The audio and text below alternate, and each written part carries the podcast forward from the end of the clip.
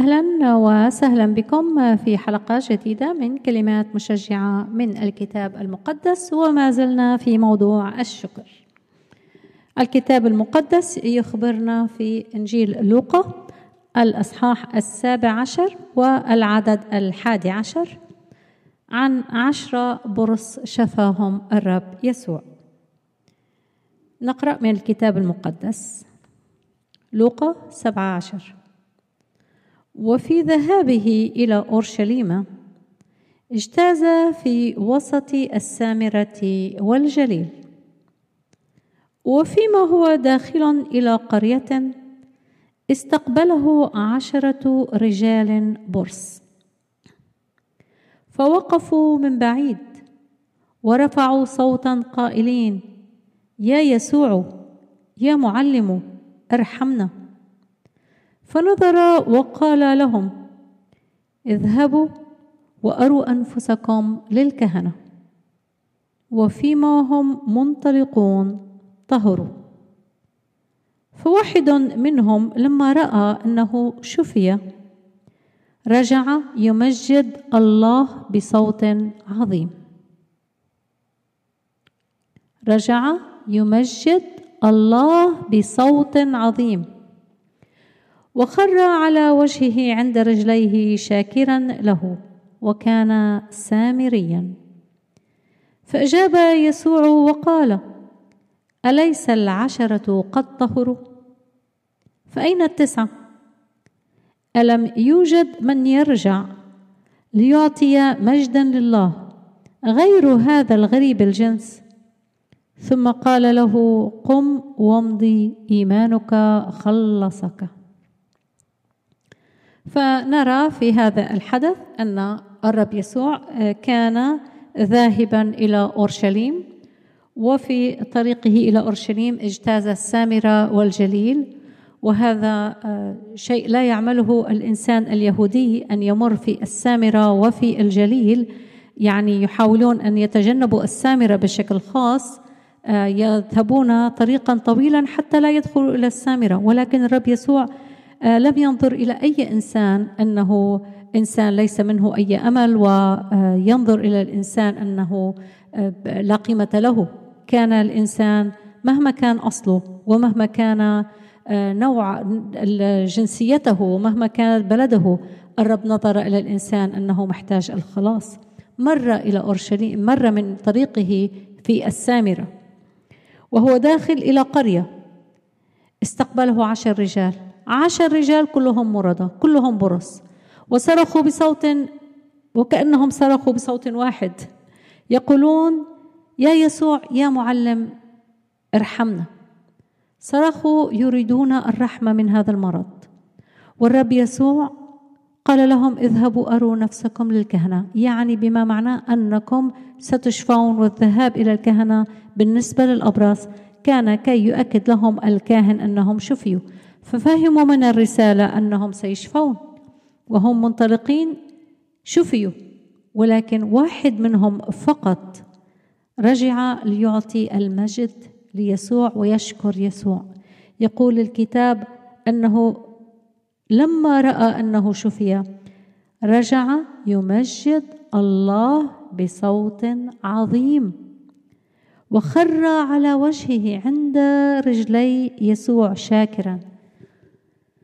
والرب قال ألم يرجع أحد؟ أين التسعة؟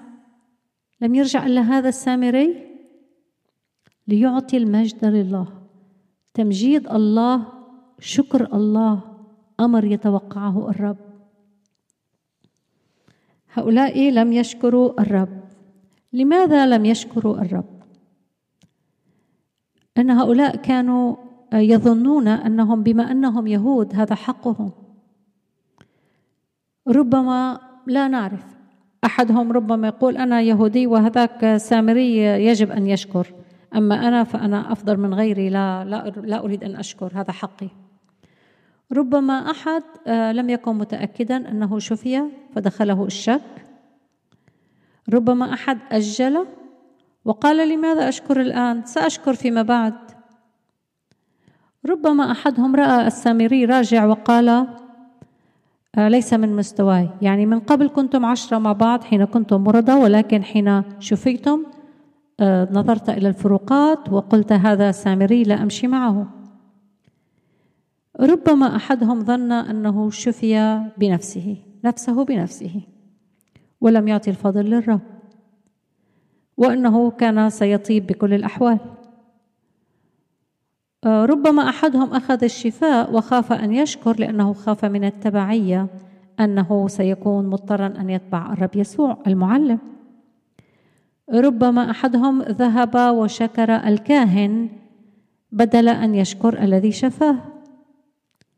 وربما أحدهم ظن أنه بالأصل ليس عنده مشكلة ونسي الماضي ونسي كل ما كان فيه من قبل ولم يشكر.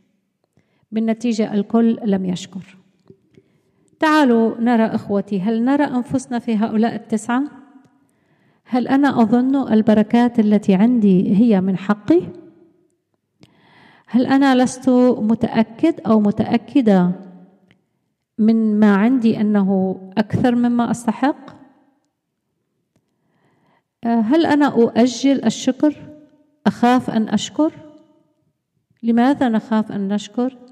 لماذا ننسى أن نشكر؟ كم من البركات حولنا لا نشكر عليها اعتدنا عليها. هل أنا لا أشكر ولا أذهب إلى الكنيسة ولا أعبد مع الكنيسة لأني أظن أني أنا مستوى أعلى من هؤلاء؟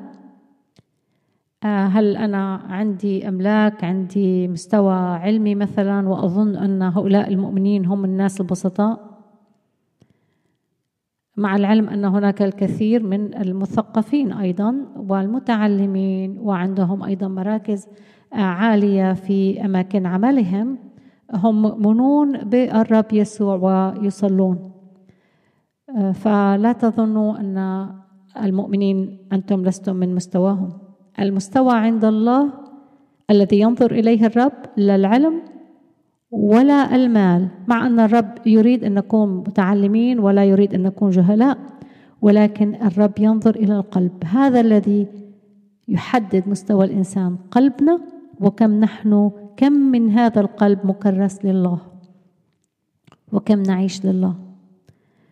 هل نظن أن كنا هذا يقول ربما أنا كنت سأطيب في كل الأحوال. هل أنا أظن أن البركات التي أنا فيها بكل الأحوال كنت سأخذها؟ هل أنا أشكر الإنسان وأنسى أن أشكر الله؟ هذا راح ربما شكر الكاهن لماذا لا نشكر الله الآن؟ إخوتي أعزائي هناك بركة كبيرة في الشكر صدقوني حين نبدأ نشكر كل نفسيتنا تتغير تعالوا نشكر الله. اشكروا الله أخوتي أحبتي وسترون نتائج رائعة جدا لأن هناك بركة في الشكر. ألقاكم في الحلقة القادمة وشكرا جزيلا لاستماعكم.